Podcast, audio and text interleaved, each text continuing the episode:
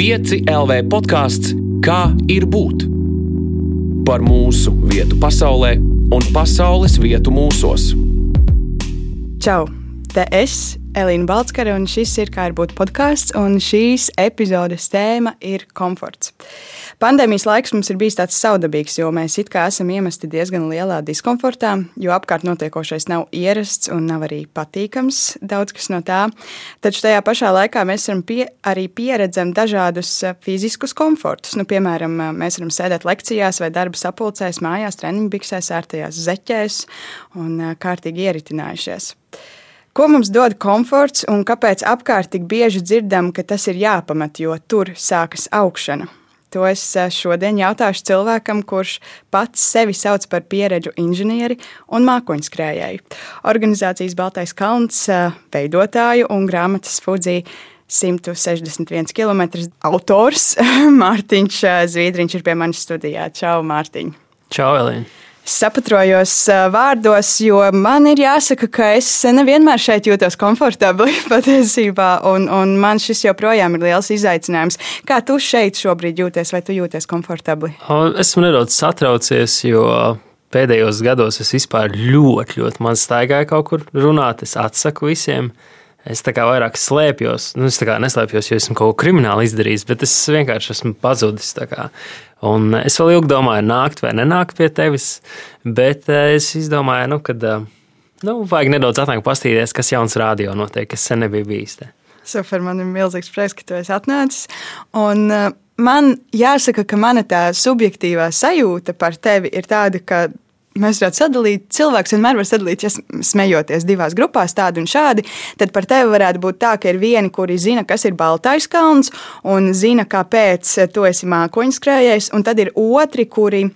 Nezinu par to pilnīgi neko. Man liekas, tā pelēkā zona īsti neeksistē. Jo, jo, ja ir par tevi dzirdēts, tad visticamāk ir arī kaut kas uzzināts vairāk. Bet tiem, kas, um, tiem kuri nezina, pastāsti, kāpēc mākoņskrējējs.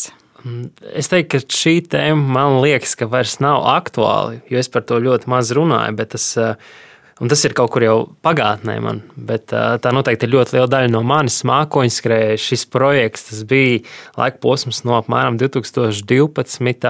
līdz 2000. 17. gadam tas ir tāds vairāku ļoti kompleksu projektu kopums, kurus devos apkārt pasaulē, dažādi, piedalījos dažādos kalnu skrējienos, un bija, pabija arī divreiz Japānā, kur mēģināja apšķirt apkārt Fuji vulkānam, un visi šie skrējieni rezultējās ar to, kad es uzrakstīju dokumentālu grāmatu. Un šī grāmata beigās arī ieguva vienu no nevis vienu no, bet, bet prestižāko Latvijas literatūras balvu Un, šī grāmata tika izdota tūkstošos eksemplāros, visi atrada savus saimniekus. Tagad ir pagājuši trīs gadi, esmu ļoti attālinājies no šīs grāmatas. Ja sākotnēji man bija plāni ļoti jaudīgi par tulkošanu un iet uz priekšu pasaulē, tad es kaut kur iesēdos komfortā.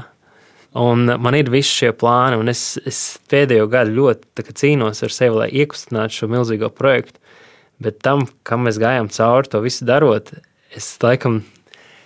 Es neteiktu, ka es negribu tur atgriezties atkal tajā gaļas mašīnā, bet esmu tā labi iekārtojies tagad, man ir grūti tikt ārā no tā komforta. Tā, tā, tā, tā ir viena daļa. Šis viss kalnu skrējieni, stāstu vakari, grāmatas rakstīšana, tā ir viena daļa no manis. Un otra daļa, kā minēja, ir Baltais kalns. Uh, varbūt vairāk cilvēku pazīst mani ar pseidonīmu Septītnieka centrāle.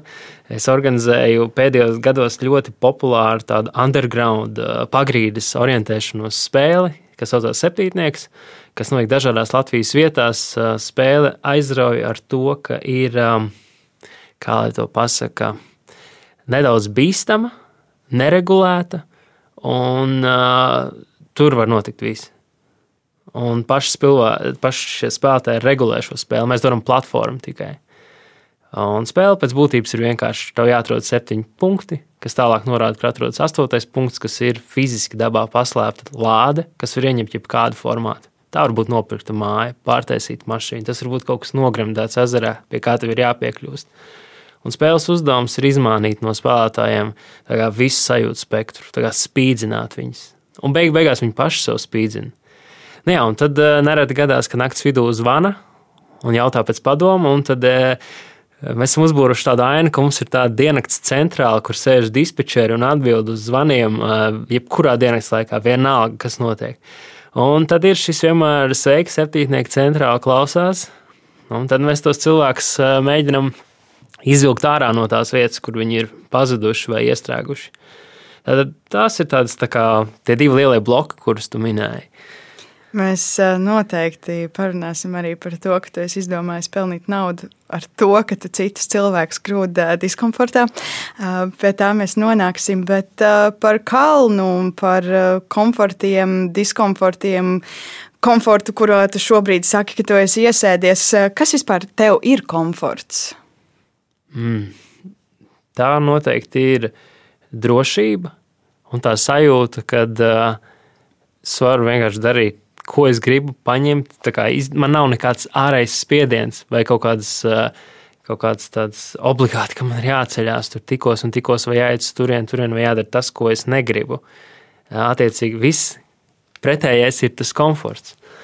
Un um, tagad mans, uh, es teiksim tā, pandēmija ļoti šausmīga, kas ir noticis, bet uh, tas nav baigi mainījis manu dzīvi, jo esmu diezgan tāds noslēgts. Man, man ļoti patīk būt tur sevi vienam. Es jūtos ļoti komfortabli. Man īsti ne, nevajag nevienu vairāk. Nu, kā, ja agrāk es ļoti alku pēc uh, sabiedrības atziņas vai, vai tādas uh, laikiem un šēriem, tad tagad esmu vairāk tāds sēžu vannā, dzeru augstu alu un lasu grāmatas, un tas ir mans komforts ar stenderu bumbām, protams.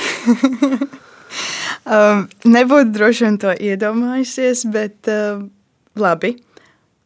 Toties tu sevi ļoti, es pieļauju, regulāri, vismaz es domāju, tāda vidēja, salīdzinot kādu vidējo cilvēku, apzināti lietas kārtīgos diskomfortos. Kāpēc? Te ir tā sadursme starp divām manām šķautnēm. Tā viena, kas ir ieslīgusi tajā komfortā, un kurai viss ir labi, bet es jūtos, kā es tur um, zaudēju savu asumu. Un tad ir otra puse, kas augst piedzīvojumu. Un es nezinu, kāpēc, varbūt tas ir tāds uh, vecums, negluži vecums. Esmu kļuvis tāds ļoti. Ja agrāk es gāju uz laiku piektajā ātrumā pa dzīvi, tagad es eju tādā otrajā, trešajā, krietni lēnāk un uh, tā piesardzīgāk. Esmu bailīgs pēc dabas. Nekad un, neiedomātos. un, uh, Nu, es cenšos ik pa laikam doties uh, piedzīvojumos un raut tajos līdzi arī interesantus, kas ir gatavi. Nu, pēdējos mēnešos esmu kritis uz Ogres upi. Tur mēs veicam tādas 4-5 dienu ekspedīcijas tipu braucienus ar laivu, ar jūras kajaku, veicot ļoti garas distances. Bet Ogres upe ir pateicīga ar saviem apstākļiem. Tur ir gan uh, garākais krāšņu posms Latvijā, gan tie akvatorija nav tik plati. Un, uh, tu nenoķer tādu panikas sajūtu, ka tu neredzi vairs krastus vai kā, ka tu nejūties pilnībā nedroši. Vienmēr tu vari spēj aizsniegt upē divenu, un uh, tu vari izmēģināt tādu tā kā ģenerālu mēģinājumu kādai lielākai ekspedīcijai. Un, uh, tas ir tas, ko es teiksim, pēdējā laikā daru, iekšzemes turisms, jo Tā kā esmu bailīgs, es uh, neraujos vēl uz ārzemēm, jo tā situācija ir kāda viņa ir. Un, lai ņemtu līdzi piemēram, grupas tādos, es vēl neriskēju, es nogaidu. Bet tā tad, jā, es cenšos uh, doties piedzīvojumos šeit. Arī, kad bija tā augstā zima, tas bija šogad, tie mīnus 20, mēs devāmies līdzīgi kā tu gāji ar jūru tagad. Mēs tos posmus gājām ziemā, mīnus 11 grādos. Ar, un, uh, gatavojāmies īstenībā vienai ziemas ekspedīcijai, kas atkrita mums dēļ pandēmijas. Tad mēs uh, likām lietā visu to šausmīgi dārgo inventāru, ko mēs bijām krājuši un pirkuši. Un visu, un tad mēs to tagad jūrkalnē un stāldzenē un tur ziemupē visu likām lietā. Labi, tu, tu saki par piedzīvojumiem, bet vai tad piedzīvojumi nevar būt arī komfortabli, vai piedzīvojumi sākas tikai ārpus komforta zonas? Oi, nē, es, te, es, te, es laikam es nezinu, kas ar mani notika, bet es tos piedzīvojumus tagad būvēju tā, ka mēs dodamies septiņu dienu ļoti smagā trekingā. Mums bija pirms 2019. gada vasarā tādi braucieni, kur bija ļoti smagi trekingi. Nu, tur bija līdz raudāšanai, tur viss slikti. Tur jāveic dienā 2000 augstuma metru uz augšu, uz leju ar 20 kg somām pa kalnu takām. Bet beigās tu nonāc uh, nu, gandrīz piedzvaigžņu viesnīcā, kur vidot baltu halātu, un mēs ejam uz spāru un uz masāžām. Kad, uh, es, man liekas, ka cilvēki augsts diskomfortu. Viņi augsts to sajūtu, kas ir, kad no diskomforta iekāpt komfortā, to mazo mirkli. Tas ir tas, ko mēs īstenībā meklējam. Jo ja mēs to varētu dabūt uzreiz iepakot, mēs nedarītu to diskomforta lietu. Un tāpēc es cenšos būvēt tā kā, lai tad tie, tie svaru kausi ir vienādi. Ir tas šausmīgais diskomforts un viss slikti, un tad pretī ir tā, tas komforts. Arī tā, tas ogles brauciens, viņš ir līdzīgi būvēts, kad uh, tu ļoti nomokies un tu nesaproti, kāds šī vispār purvā kaut kur te var gulēt. Un tad nākamajā dienā jau esi pirtī un jau ēd maķīti un esi laimīgs cilvēks. Tad tu saki, ka mēs kāpjam diskomfortā, lai novērtētu komfortu?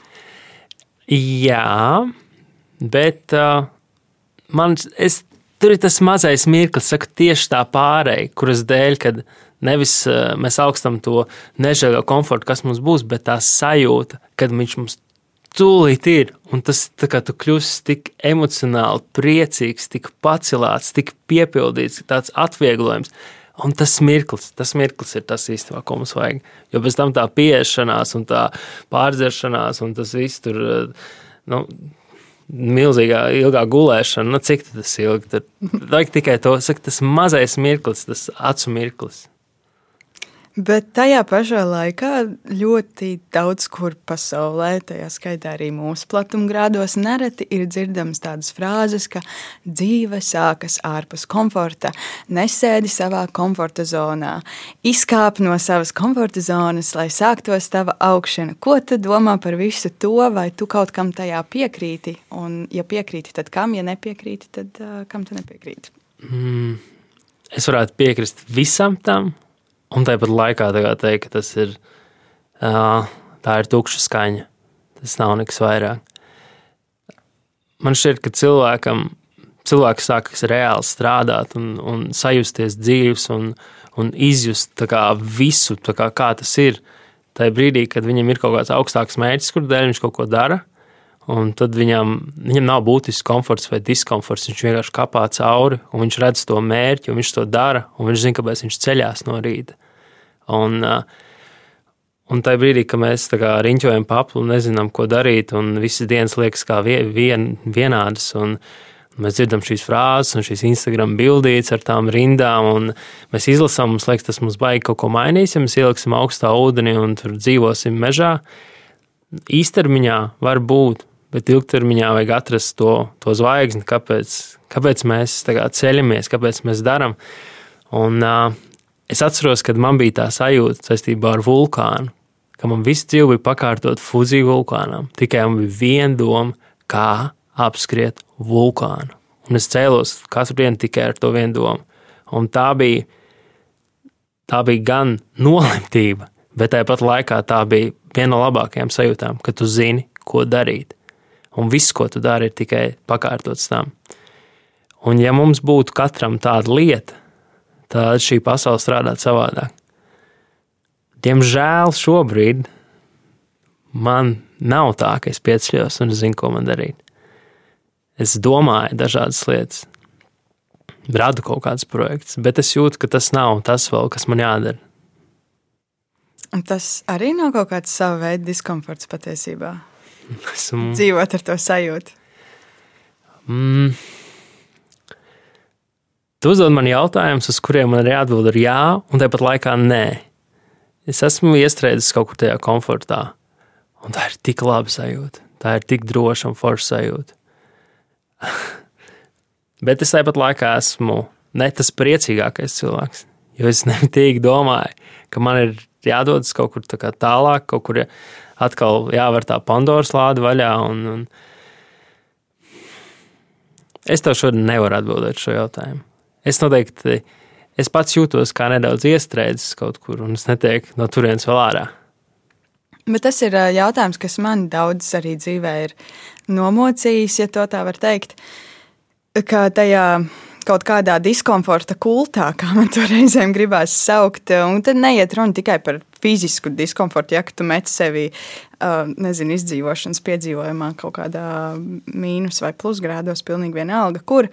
Bet uh, nu, ir dažādi sociāli diskomforti, vai ne? Ir kaut kādi izaicinājumi personīgi, vai tie ir profesionāli vai, vai citādi, kas mums arī rada diskomfortu.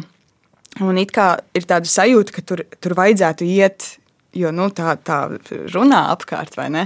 Bet uh, varbūt vienkārši ir jādzīvot tajā komfortā. Un kāpēc nevar dzīvot vienkārši komfortā? Komfortā ir labi, bet es jau minēju, ka mēs zaudējam savu asumu. Mēs kļūstam garlaicīgi sev pašiem. Un komfortā laiks iet tik ātri. Viņš tā kā skrien. Tas ir līdzīgi kā atkal būs analoģija ar kalnu skrējieniem. Lai, tā, lai arī tā pieredze nav tik liela, es atminos to sajūtu, ka tu esi tajā, tajā miglā, pa tām takām. Tu traversē lejā, ir migla. Tu nesaproti, kā tu tiks līdz kontrolpunktam. Tu nonāc kontrolpunktā. Un tā ir tā kā oāze tūkstnesī. Tu tur strep to kolu, to buļbuļsāļu, tu jūties tik labi. Tu tur esi 5 minūtes. Tā ir tāds komforts. Tu tur esi bijis 35 minūtes. Tas laiks, kā tur ir ej ar šie teksti eksponenciāli ātri. Un uh, man šķiet, ka komforta arī ir tā. Cilvēkam vajag mācīties, cilvēkam vajag sevi izaicināt, cilvēkam vajag kā, meklēt. Viņam vajag meklēt. Un, um, piemēram, nesen mēs ar uh, dzīvesbiedriem sākām apmeklēt niršanas kursus. Uh, jo uh, ūdens mums jau saistīja ilgu laiku, un es jau ilgi runāju, dīts, ka vajag kaut ko jaunu mācīties, un vajag kaut ko praktisku, kaut ko saprast vairāk. Un aizgājām uz šiem kursiem, tur sākums viegls, viss forši, jauna pasaule, kosmos atverās, tur bezsvaru stāvoklis. Un tad mums ir uh, uzdevums, mums ir jādodas uz Lietuvu, jānirst ezerā, tas bija pirms pāris nedēļām. Uz nogrimušu jahtu 25 metru dziļumā mūs brīdina, būs ļoti ledēna augsts ūdens, redzamība būs praktiski tuvu nulē, tumsa un mēs leksim lejā no laivas, ūdenī no zodiaka laivas. Un, uh, instruktors bija aizdevies ar iepriekšējo grupu, tur cilvēks noķēra paniku zem ūdens, tur vēl notika tur, nu, ļoti daudz tie, tie faktori, un tad viņi atbrauc atpakaļ un saka, ziniet, bija diezgan tur traki, bet nu viss kārtībā mēs tikām galā, tagad jūs kārt. Jūs tad braucat un irstat. Un tā pārbies, kā pirms divām nedēļām. Sēžu nebiju, man negribējās nirt, Bet tas bija jādara vienkārši. Tev vajag saprast, kā tas ir. Tev vajag tur ielikt, jo zināji, ja es to neizdarīšu, es pēc tam to pārmetīšu, sev pārdzīvošu. Un uh, mēs ienerām. Tas bija kā šausmu filmā. Mēs laidāmies tumsā, ledainā ūdenī. Tu tur izlīdzini spiedienu, visu dari. Pieredzējušiem nirējiem tas ir tā kā, tā kā ikdienas daivs, tas nekā nekas nopietns, bet mums, kas to dara pirmo reizi, tas bija un mēs nonirstam tajā tumsā un iznirst no tumsas tā jahtas masts. Es saku instruktoram, kā, man ir bail, es palikšu šeit un gaidīšu. Un tas notiek ar lukturiem, jo ir tums. Un es gaidu. Instruktors saka, labi, gaidi, mēs appeldēsim jahtu. Jo es vienkārši sapratu, ka man ir tik ļoti bail, kad man aizsals regulators no straujās elpošanas, un tur sāksies panika visiem, un, un instruktoram būs grūti vienkārši teikt, palikšu šeit. Mēs uzpeldējām augšā. Protams, es vēl nedaudz pārdzīvoju, ka es to neizdarīju. Bet es kā, man bija tik ļoti bail, un pēc tam es iegūstu nu, tāds atvieglojums. Bija. Un tagad nu, es jūtos, ka esmu diezgan daudz ko iegūstis. Bija tāds diskomforts. Tā kā, Mēs draudzīgi runājam, ka nekad, nekad mums piedāvāt nirtus kaut kādu jahtu tumsā, nu nekad vairāk. Bet, nu, droši vien mēs pēc pāris nedēļām to atkal pārdomātu. Bet tā sajūta pēc tam bija tā kā, ja tu spēlē datorspēli, tu vienkārši dabūtu tik daudz XP klāt. Un tev viss kā, liekas nedaudz kā, savādāk, atkal mainās tas, tas, kā tu redzi tās lietas. Tāpēc nu, vajag darīt, bet ir grūti saņemties. Un ir vēl, man liekas, liela daļa cilvēku, kuri, kuriem, ja liek kaut ko darīt, viņiem ieslēdzas pretestība, ka viņi to nedarīs. Tāpēc ir svarīgi, ka tas cilvēks pats saprot ar savām iekšām, kad viņam vajag to, nevis ka viņam liek to darīt. Man liekas, uh, interesanti tas, ko tu saki, tas fenomens, ka tu ieved sevi kaut kādā šādā situācijā, no kuras tikko izējot ārā, tev liekas, ka es nekad dzīvē vairs to nedarīšu. Un tad paiet kaut kāds uh, laika nogrieznis un, un saprot, ka nu, vispār labprāt es pamēģinātu vēlreiz. Kas tas ir par fenomenu? Nu, bailēm acis liels. Pāris dienas atpakaļ atkal piedāvāja nirt naktī. Es teicu, jā, aiziet! maucam. Un es biju ļoti priecīgs, ka es piekritu. Tas vairs nelikās tik baisi. Tagad, uh, cits jautājums. Um, un man likās uh, ļoti interesanti vēl viena lieta, ko tu teici, stāstot par, uh, par komfortiem un laiku. Tu pieminēji, ka komfortā ļoti ātri iet laiks. Vai no tā varētu izsacināt, ka cenšoties izkāpt no šī komforta, mēs tādā sajūta laikā iegūstam pišķiņu garāku dzīvi? Hmm. Esmu daudz domājis, kā pagarināt laiku, kā izstiept dzīvi.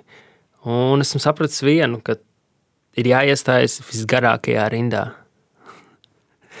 Laiks iet lēnāk, tur, kur mēs nemitīgi vai nu visgarākajās rindās, vai arī mācoties. Un nevienmēr mācīšanās saistīta ar diskomfortu. Bet uh, kāpēc laiks, manuprāt, iet lēnāk, kad mēs esam jaunāki? Tāpēc, kad visu laiku mēs kaut ko mācāmies, visu laiku atveras jaunas nodaļas, visu laiku ir tik daudz informācijas, tu visu laiku mācies, tu skaties, tu nezini, tev ir visu laiku visādas mistērijas. Kad sasniedz kaut kādu briedumu, un tu jau zini, kā strādā pasaule, un tev liekas, ka zini, kā strādā pasaule, un kā viss notiek, un viss iet tādā rutīnā un sakārtotos plauktiņos, tad eh, nu, nu, varbūt nosaucam to par tādu komfortu, ka tu, ka tu zini, kas notiks, tev ir kaut kāds plāns. Tad tas laiks, eh, nu, viņš iet ļoti ātri. Pasties, pirms mēneša vēl tikai bija maijs, tagad jau ir jau tūlīt, jau būs decembris. Un, un kas būs vēl, tur tie gadi jau skrien. Bet eh, jā, es varētu piekrist tavam apgalvojumam. nu, tad uh, atliek tikai lekt uh, diskomfortos. Viens diskomforts, uh, ko tu esi radījis cilvēkiem, un es domāju, ka varbūt šī ir tā lieta, ko varbūt vairāk ir pausu galam sadzirdējuši, ir arī gājiens kolka dubulti, kas ir vairākus gadus iepriekš noticis. Sākumā droši vien tas bija ar cilvēku desmitiem, pēc tam tas pārauga jau par cilvēku simtiem. Kāda jēga no tā, ka cilvēks vienkārši ņem, sāk iet, noiet no kaut kas līdz dubultiem? Tā sākotnējā doma šim pasākumam bija, kad mēs jau mēs paši to pārgājām, to distanci, to 136 km nogājām 2009. gadā pāris draugi. Mēs to izdarījām un tas mainīja mūsu dzīvi tu saproti, cik vienkārši ir doties piedzīvojumos un cik daudz no tā dabū. Tas visiem, kas mēs tur piedalījāmies, mums tas izmainīja to dzīves uztveri. Mēs, protams, bijām tādi vēl jaunieši, tādi zaļi gurķi, un tas bija. Nu, Tas, tas tā kā, tā kā filmās tev likās tas piedzīvojums. Pēc tam pagāja laiks, mēs uztaisījām pasākumu. Sākotnējā doma bija, mēs gribam, lai jebkurš interesants vienkārši noiet to distanci, ko mēs toreiz gājām, un varbūt noķert to sajūtu, kas mums bija. Pirmajā reizē tie bija 100 dalībnieki 2014. gadā. Un pēc tam sākās pārējais ir vēsture. Ar katru nākamo gadu šie dalībnieki kļuva aizvien vairāk un vairāk un vairāk līdz, līdz 2009. gadam. Liekas, tas pasākums sasniedz savu kulmināciju, kad vairāk kā gan 1500 cilvēki startēja no Kalksraga un devās uz dubultiem.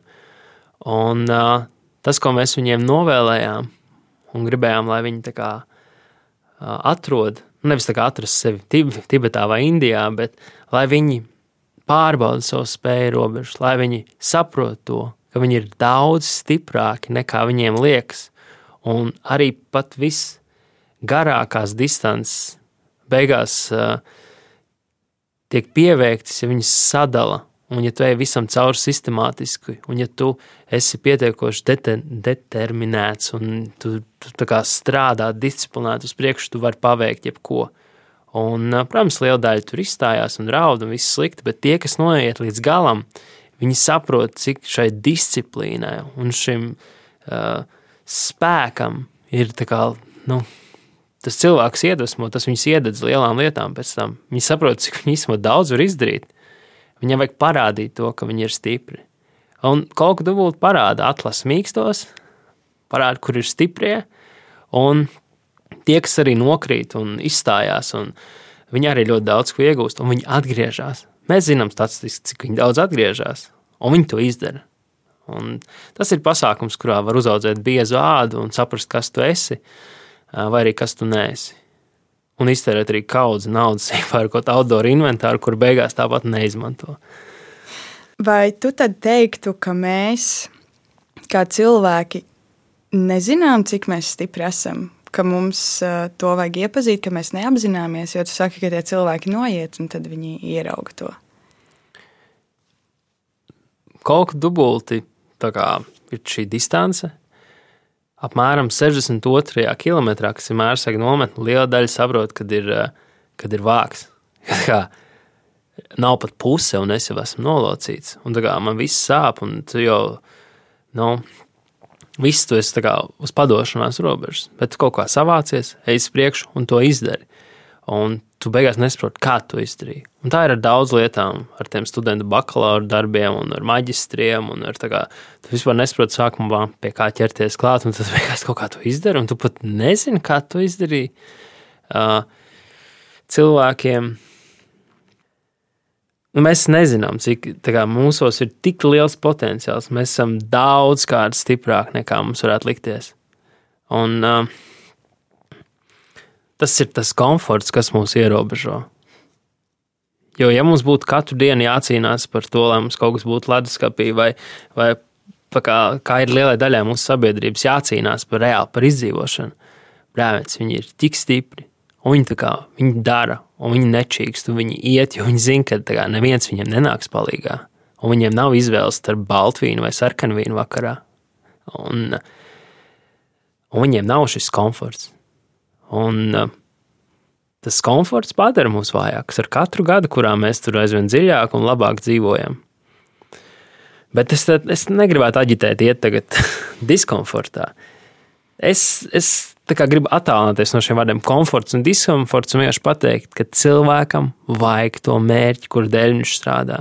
Un tad viss šīs tēmas īstenībā ir sekundārs. Tas ir kā mēs par to varam runāt, bet uh, tas nav svarīgi, jo man ir jādara tas, kam es esmu radīts.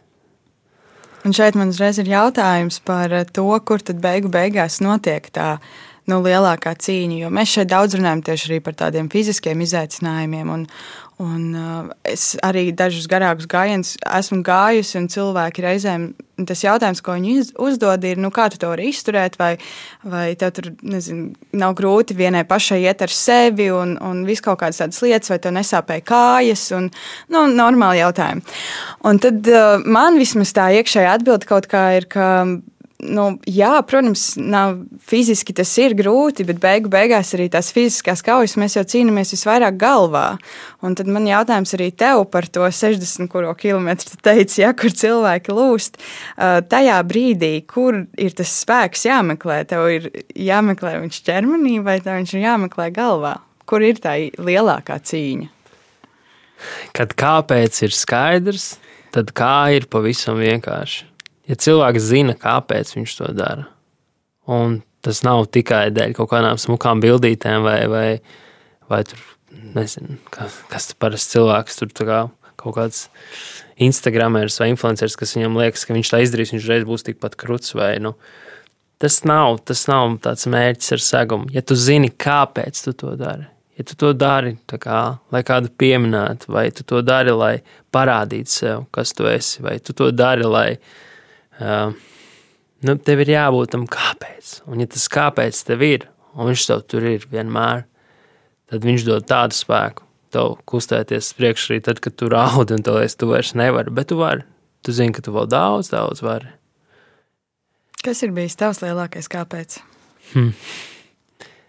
Uh, tas noteikti ir bijis uh, man brāļa zaudēšana, pa ko arī ir viss, viss šī vulkāna epopēja. Un, uh, nu, tā ir liela ģimenes traģēdija, kas kā, es uzskatu, ka viens no lielākajiem virzītāju spēkiem cilvēkam ir, diemžēl, bet uh, traģēdijas. Jo ar jaukām, pozitīvām, gaišām lietām nenotiek nekas. Tā kā ir nepieciešams spiediens, lai kaut kas rastos. Ir vien vajadzīgs sprādziens, eksplozija. Un lielākajā daļā gadījumā tas ir kaut kas, ar, diemžēl, bet negatīva lieta. Un tas lielākais, kāpēc es kaut ko darīju, kāpēc tapu šī grāmata, jo es apsolīju savam brālim, ka es uzcelšu pieminiektu, lai viņi nekad neaizmirst. Kad es to teicu, es, protams, nezināju, ko es saku un kas tur beigās sanāks, bet kad tas tik beigās atrisinājās, tad atskatoties, man viss kļuva skaidrs. Un tas bija mans kāpēc. Un man nebija kā, jautājumu. Es vienkārši darīju. Un tik daudz bezizējas bija un tik daudz kā, krišanas. Un es tikai nesen visu to savācu, tāpēc es biju kā, kaut kur nozudis. Bet uh, tas ir laikam bijuši, tas ir mans lielākais kāpēc bijis pagaidām. Un tu skrēji 161 km ap Fudziju, pareizi, vai ne? Ai, pirmajā reizē tie bija 161, ko es mēģināju, no kuriem es pieveicu 121, 121, un otrajā reizē tie bija 173. Bet uh, nu, tur tās distances jau vairs nav būtisks. Un, un kas, kas notika tavā galvā, kas notika tev apkārt? Man liekas, ka tas ir, nu, tas ir tāds uh, varoņdarbs kaut kādā veidā, es domāju. Šodien man gribas tev nemitīgi oponēt. Droši. jo, ja mēs skatāmies no tāda sportiskā viedokļa, tad uh, tas nav nekas tāds ārkārtējs. Tā kā daudz cilvēku to dara. Un, uh, Bet tas gadījums, kas bija toreiz, tas bija īpašs man, jo visi tie apstākļi, kuros es biju iemests, un visas tās, par to varētu grāmatas rakstīt. Visas tās lietas, kas tur notika, un kādā stāvoklī es tur nonācu, un kā es to darīju, tas bija viss lemts sakāvēji. Bet uh, priekš manis tas bija vairāk tāds tā kā uz visu banku, uh, tā sajūta, ka tā kā Viss tā Japāna, tie kalni, tās naktis, tā migla, tā bezizēja, bet tu visu laiku ej cauri, jo tu zini, kāpēc. Ja, nu, sajūti, atgrie... es īstenībā pēc šī notikuma vēl ilgi atmiņās biju tur. Tā kā naktīs vai dienās, vai es braucu trolēļus, skatos pa logu, bet es esmu tur. Un tas bija ļoti skaists, bet tāpat laikā šausmīgi sāpīgs un grūts viss tas pasākums. Un viss tā atgriešanās mājās un viss. Tagad esmu no tā prom, es par to vairs nedomāju. Esmu ļoti tālu no tā visa attālinājies. Tas viss dzīvo savu dzīvi kaut kur. Bet uh, tu minēji varoņdarbs apskriet vulkānu. Varbūt toreiz tas, tas man tā likās, un uh, es tā arī jutos. Bet tagad, skatoties, es, es domāju savādāk. Tas vienkārši man bija vajadzīgs. Man liekas, interesanti, jo man uzreiz gribas oponēt tev, uh, jo tieši. Nu, kā tad mērīt uh, varoņu darbu? Un, ja tu saki, ka tur nu, tie apstākļi, nu, piemēram, skatoties no sportista, sportiska viedokļa, tas ir apmēram nu, normāli, ja?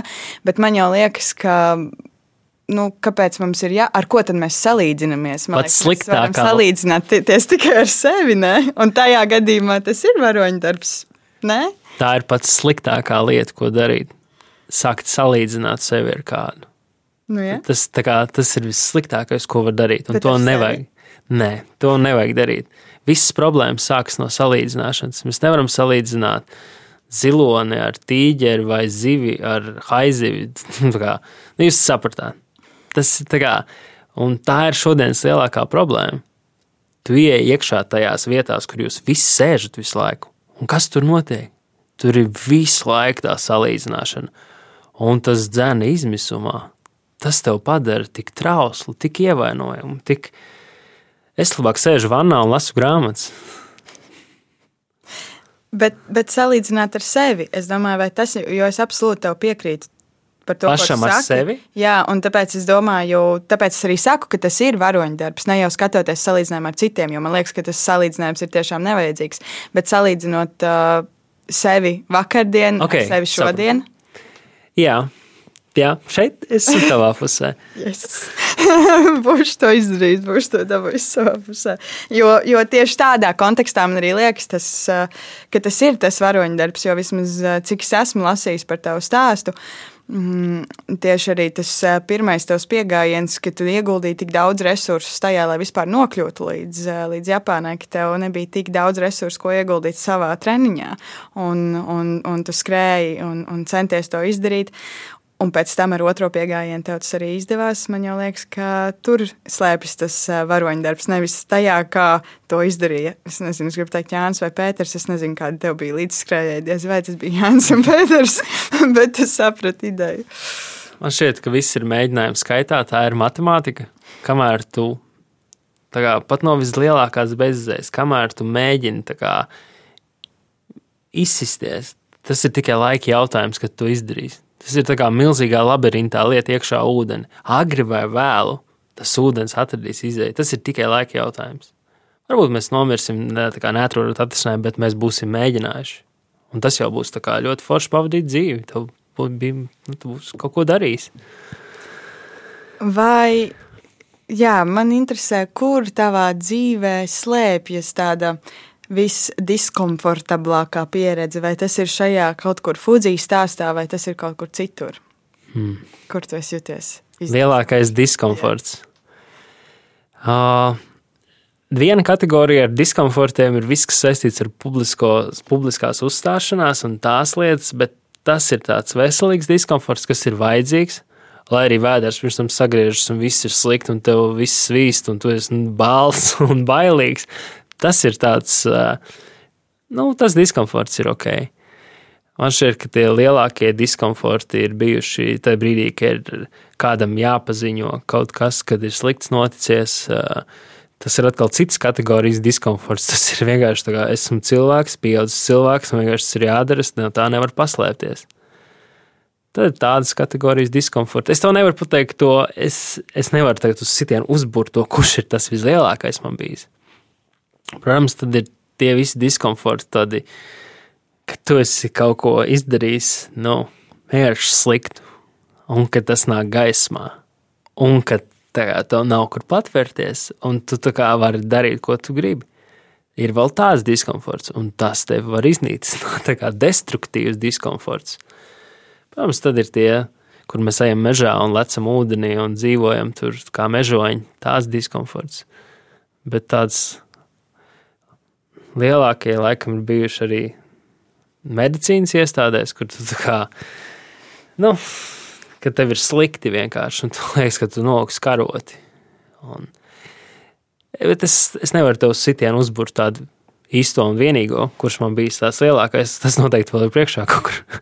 bet man vispār liekas interesanti, ka uz šo jautājumu atbildot, tu tieši piemini vairāk tādus, nu, man gribas teikt, mentālus diskomforts, kas nav tik ļoti saistīti ar to uh, fizisku pašsajūtu, nu, ka tev ir augsti vai. vai à, nu, tas vai parasti fiziski, tā kā, tādi iekusis. fiziski diskomforti ir. Uh, Tie ir vienkārši. Tu kā augsti apģērbies, gribi ēst, pāriet. Tas ir problēma, risinājums, problēma, risinājums. Kaut kas sāp, tas, tas, tas, tas, tas man liekas, ir tie nav tik dziļi. Mm. Es tev pilnībā, pilnībā piekrītu. Bet uh, tu esi nolēmis cilvēkus uh, mest šajos diskomfortos. Mēs nedaudz runājām jau par, uh, par kolku dubulti, bet uh, tu arī pirms tam pats stāstīji par spēli septītniekus, kur arī, kā jau tu teici, tu bišķiņ uh, radi apstākļus cilvēkiem, kuri viņi, kuros, ja ne tu viņus moki, tad viņi paši sevi bišķiņ pamoka. Um, Kas ir? Man liekas, tur ir kaut kāds varbūt absurds, varbūt nav, bet kā tas ir pelnīt nu, sev iztiku principā ar to, ka tu citus cilvēkus met diskomfortā un šādās situācijās? Jo ļoti daudz cilvēku, tu pieminēji spāju, ja cilvēki cenšas pelnīt cilvēkiem, piedāvājot komfortu. Tu esi izgājis citu ceļu. Uh, septītnieks pēdējos divos, trijos gados, man liekas, ir tāds lielākais projekts, ko mēs pāris cilvēkiem, pie kā mēs darbojamies. Un, uh, Kas arī nodrošina, tas tāds maizes darbs, varētu pat teikt, uz doto brīdi. Un septītnieks, uh, jā, protams, ir šis uh, diskomforta aspekts, kur tu izvieto dažādas instalācijas, grūti pieejamās, bīstamās vietās, un tad cilvēki tur mēģina viņas dabūt. Bet septītnieks pēc savas būtības ir pieaugušo ekskursija. Pieaugušie grib interesantas ekskursijas, un septītnieks sniedz tādu ekskursiju. Tā tad ir šī septiņi punkti, ko es aizmirsu pieminēt, ka viņi tiek nereti izvietoti tādās Latvijas melnajās pērlēs, kas ir vai nu tie ir kaut kādi tiešām turistīgi objekti, vai arī tie ir kaut kādi ļoti bīstami tādi objekti, kur nekad nevajadzētu iet iekšā, un tomēr mums tur ir punkts. Un pieaugušiem cilvēkiem, jūs taču zinat, sev, jums patīk tās, tās trakās vietas, tās interesantās, kaut kāda apakšzemes tuneļa, kaut kādas kā, interesantas instalācijas. Un septītnieks ir Latvijas ekskursija, ja tu 9. un 12. klasē nebrauc ar autobusu ekskursijās, tad šī ir tava iespēja paņemt draugus, aizbraukt uz Vēncpili, uz bērnu pilsētiņu un tur slidināties pa trubām, līdz apsardzi nāk tev meklēt. Un, um, un septītnieks, es nesen tieši domāju par šo spēli, un es sapratu īstenībā, uh, spēles tā kā tas um, mugurkauls ir uh, septiņas mīklas, dzējolīši. Un Es pirms pāris dienām runāju par to ar draugu, ka īstenībā man šķiet, ka esmu vislabāk apmaksātais dzējoļu rakstnieks Latvijā, jo septiņnieks ir septiņus gadus, ir tur tās deviņas epizodes, man ir jāuzraksta septiņi dzējolīši. Un uh, cilvēki kā, maksā par šiem dzējolīšiem. Viņi zvana, viņi saka, jo mēs gribam tās mīklas dabūt, lai zinātu, uz kurien braukt. Es nezinu, tu esi tās smīklas redzējis. Nu, jā, tie ir tādi teksta, vai nu īsi prozas, īsi stāsti, vai dzējoļi, vai tādi sagrozīti vēsturiski fakti. un tad viņi šķetina šīs mīklas, un cilvēks noķer tādu piedzīvojumu sajūtu. Kas ir piedzīvojums? Piedzīvojums ir kaut kāds notikums, kurā iztrūks būtiska daļa svarīgas informācijas, bet mēs tik un tā nolēmjam to darīt. Tā ir piedzīvojuma definīcija. Un šī spēle pēc savas būtības ir piedzīvojums. Mēs dodam platformu, un brāļiens tie cilvēki iekuļas tādās nepatikšanās. Mēs tur viņus. Mēs mēģinām uzkonstruēt to pasākumu tā, ka viņiem liekas, ka viņiem jābrauc uz turieni, bet, bet īstenībā viņiem nav jābrauc uz turieni, un tad viņi sagrābj tur ciet. Protams, tas nav, tas nav mūsu atbildība, kas tur tālāk notiek, jo tas viss ir tik abstrakti un tik uh, interpretācijas jautājums. Un cilvēkiem patīk šī, šī šis žurkas skrējiens. Tie, kas ir piedalījušies katra laukuma atvēršanas kaut kādās pirmajā tajā skrējienā, kas saucās FTFs, tās ir piedzīvojums. Tas ir piedzīvojums. Tur tā kā uh, nu, tas ir tāds zelta drudzis. Es iedomājos, bērnībā bija um, tāda grāmatiņa, kaut kāda cietie rieksti, kur bija visādas mīklas un uzdevumi. Varbūt tev jāizdod būs cietie rieksti pieaugušajiem ar savām uh, mīklu krājumu kopā. Bet uh, Droši vien tu jau arī minēji, gan tavu darbību, gan tavu ikdienu arī ir ietekmējusi pandēmija. Mēs arī šeit uh, bieži runājam par to, kā cik dažādās tādās sfērās, eh, no mazākiem sīkumiem līdz arī tādiem lieliem dzīves plāniem, patiesībā pandēmija ir ietekmējusi mūsu dzīvē. Um, kā tev liekas, kādas ērtības ir sniegusi pandēmija? Jo tur droši vien ir arī kaut kāds pozitīvs aspekts kaut kur. Ah, nu, mēs varam runāt par pozitīvu aspektu un kratīt galvu un priecāties tajā brīdī, kad mums ir liela dzīvokļa, daudz istabas un, un mēs nedzīvojam viens otram uz galvas. Tad mēs varam sākt runāt par tā, šādām tēmām. Uh, bet tās ērtības, nu, mums ir vairāk laiks ar sevi. Jā, protams, ja mums nav tie bērni un viss tur tas kaudz ar visiem cilvēkiem tajā mazajā telpā, bet mums ir laiks vairāk ar sevi. Man šie cilvēki vairāk sākuši staigāt, vairāk doties pie dabas, kas ir no vienas puses labi, no vienas puses slikti, jo tad latvieši nemāk iet pie dabas, ir kā viss ir piemēslots, viss ir slikti. No otras puses, kā, cilvēks pavada vairāk laika ar sevi. Un Daļai tas patīk, daļai vienkārši bēg no sevis, jo viņi saprot, cik viņi ir kā, cik viņi nav jauki cilvēki. Un, nu, ko vēl mums ir pandēmija iemācījusi? Man šķiet, ka ir uh, vairāk cilvēku sākuši domāt par savām finansēm un finanšu plānošanu un um, kaut kādiem iekrājumu veidošanām, investīcijām, akcijām, tādām lietām, ka ir vairāk laiks domāt par to. Man pandēmija pavēra lielisku iespēju beidzot sakārtot noliktavu, ko es biju visu laiku atlicis. Kā, tas ir tik laikietilpīgi un garlaicīgi, bet es tur nolaibaļoju visu, sašķiroju, izmetu visu lieko. Man bija tik daudz laiks kā, kārtot noliktavu. Un man liekas, ka es to darīšu visu pandēmiju, bet es to izdarīju un teicu, ah, labi, ko tālāk. Es izdarīju to uzdevumu, kur nekad neviens negribēja un nebūtu darījis, jo vienkārši tas prasa tik daudz laika. Pandēmija mums ir pavērusi iespēju izdarīt kaut kādas atliktās lietas. Mm. Tu pieminēji to ērtību ar sevi ka, nu, ka mēs esam ieguvuši vairāk uh, laika, ko pavadīt ar sevi. Un to arī pieminēja, ka daudz cilvēki bēg no sevis un ka viņiem nav ērti ar sevi. Vai tev vienmēr ir bijis ērti ar sevi pavadīt hm. laiku? Jā, man patīk būt ar sevi. Un uh, man patīk ēst vienam. Man patīk tā kā. Es nav tā, ka esmu tā kā, man nepatīk cilvēki, bet uh, man patīk būt ar sevi. Un es to izbaudu. Es domāju par to, ko. Man liekas, tas ir veselīgs stāvoklis. Nu, man liekas, ja tev ir bail palikt ar sevi, tad uh, kaut kas nav kārtībā, bet tas ir mans subjektīvais viedoklis. Bet uh, es domāju, ko, ko tu teiktu cilvēkiem, kuri, kuri nevar pavadīt laiku vienatnē, kuri mācās sevi iepazīt, nu, kuriem ir vēlme tur nonākt tajā vietā, ka tu, jā, šodien gribās pavadīt laiku ar kādu foršu cilvēku, mm, pavadīšu laiku ar sevi. mm. Man ir zināms, piemēram, draugi, kuri nu nevar nosēdēt uz vietas. Viņi nevar būt vieni. Viņiem visu laiku vajag būt barā. Viņiem visu laiku vajag kaut ko darīt ar kādu kopā. Man šķiet, tā ir vienkārši cilvēku kategorija, kuri nevar būt vieni. Viņiem vajag nemitīgi tur iet, tur kaut ko darīt, kaut kur braukt, kaut kur ēst. Viņi nevar to darīt vieni, un tad, kad viņi to dara vieni, viņiem liekas, ka kā, kaut kas nav kārtībā. Man šeit tur kā, nav pareizi un nepareizi ar šo. Vienkārši ir tik daudz foršāk būt ar sevi, kā, un var daudz vairāk ieraudzīt. Protams, ir, te ir atkal ir, ir jā un nē. Ir vienpatņi un tie ir, ir bara dzīvnieki. Vienkārši kas tu esi par dzīvnieku? Tas arī ir viss. Mm.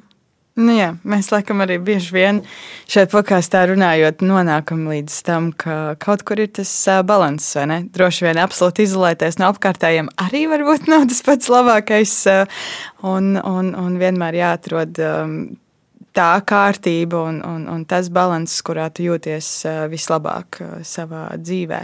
Bet tā vēl atgriežoties pie, pie stāsta par, uh, par pandēmiju un par visu, kas ir noticis. Um, Tas ir radījis arī dažādus diskomfortus, kā jau minēji, ļoti daudzi arī uh, šajā situācijā cieši vairāk kā tāds varbūt vidējais cilvēks. Dažiem tas absolūti nav radījis nekādu diskomfortu, bet mēs kā sabiedrība, man gribētu teikt, mēs esam kaut kādā diskomfortā. Vai tev liekas, ka mēs kā sabiedrība arī esam auguši šajā procesā, vai arī tieši otrādi? Kā tu vērtētu tā, tādu skatu no malas? Mm. Man šķiet, ka sabiedrība ir parādījusi savu īsto seju Man vispār negribētos lietot vārdus sabiedrība vai tauta. Ir vienkārši kaut kādas grupas ar cilvēkiem, un mēs beidzot iedegas istabā gaismu, un mēs redzam, kas mēs šeit esam. Jo katrs mēs dzīvojam savā kaut kādā iedomu pasaulē par to, kā mums apkārt lietas notiek. Bet šī ir realitāte, kas parādās un beidzot top nāk gaismā. Protams, daudziem ir ļoti daudz jautājumu un pārsteigumu par to, kas notiek. Bet tas ir tas, kas mēs šeit esam. Un, uh, ir liels diskomforts, protams, sabiedrībā. Protams, daļa to neizjūt, daļa to izjūt. Tā kā nemitīgi augsts ūdens šalts uz galvas, tā kā viss ir slikti. Bet uh, pie diskomforta vai var pierast? Es nezinu. Man šķiet, ka agri vai vēl tas tas atrisināsies. Tam ir jāatrisinās. Un, uh, nu, nav nekas labāks, kā vienkārši saglabāt mieru, uzklausīt vienam otru, neiet ar kaut kādiem tādiem vienvirziena pārmetumiem vai, vai redzēt tikai vienu lietu, vajag mēģināt saprast, mēģināt kaut kā runāt, vai tādam mediātoram. Tā kā sabiedrībai jākļūst mediātori pašam sev, tam organismam. Jo noteikti kaut kas nav kārtībā. Bet nu, daba ir iekārtojusi tā, ka tās lietas pašas saregulējās un atrisinās. Vai nu nomirst, un nāk kaut kas jauns vietā, vai arī kaut kas izvesļojas. Redzēsim, kurš šis būs par stāstu. Jā, tā mēs patiešām vēl, uh, vēl nezinām, bet uh, es arī pieļauju, ka nu, tas diskomforts ir arī kaut kas tāds, kas iespējams vairāk motivē kaut ko risināt uh, un, un skatoties no, no malas, uh, reizēm cenšoties attālināties no tās situācijas.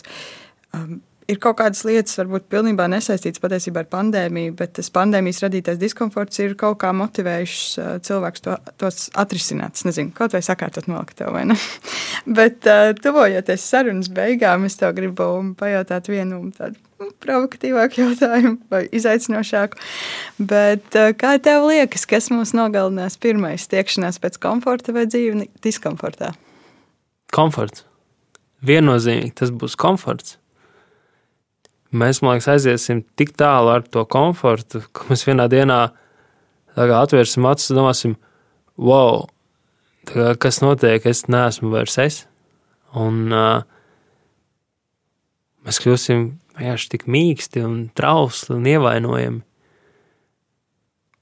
Komforts mums nogalinās. Bet ir forši sēdēt tajā spāra augstā līnija pēc traka piedzīvojuma. Tā kā visam jābūt līdzsvarā. Un to līdzsvaru ir, protams, grūti atrast. Ja tas būtu atrodams, un ja tas, tas ir tas mūžīgais eliksīrs un tas mūžīgais dzinējs, tad mums vispār nebūtu problēmas. Ja mēs mācītu visu darīt uh, ar mēru. Bet man liekas, ka tajā līdzsvarā reizēm ir viens pārprasts elements. Jo, ja tu centies nostāvēt kaut vai uz, uz kaut kāda servadēļa līdzsvarā, vai kaut vai uz tā paša balance boarda, vai kaut, kaut, kaut kur citur meklēt līdzsvaru, tas nav stāvoklis, kurā tu nostājies un viss atlaidies. Tas ir stāvoklis, kurš tev ir konstanti jātur. Tā ir konstanta piepūle, lai tu nostāvētu tajā līdzsvarā. Un vienā brīdī tu iemērcies vienā galā, tad iemērcies otrā galā, un tad tu tā kūņājies mm -hmm. uz vienu uz otru pusi. Un tas tāds mūžīgs process, ne? Kas droši vien gribētu teikt, ka ilgst visas dzīves garumā. Jā, bet nu, komforts mums nogalinās beigās. Tad ejam pēc diskomforta. Kur tu meklēsi nākamo diskomfortu? Uh, hmm, nu es plānoju atkal nobraukt ogres upi. Tas tāds vēl. Vēlreiz, jā, šoreiz būs daudz. Uh, uh, augstāks ūdens, būs tumsa. Nu, būs tāds, uh, šīs būs rīktīgs diskomforts. Bet uh, pēc tam būs forši atkal. pēc tam būs atkal spēks.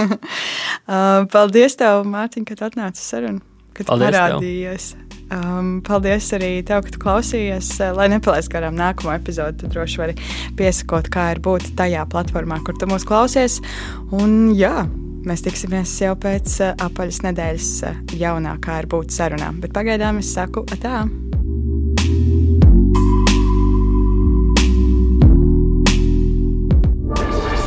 Projekts tapis ar Eiropas parlamenta finansiālo atbalstu.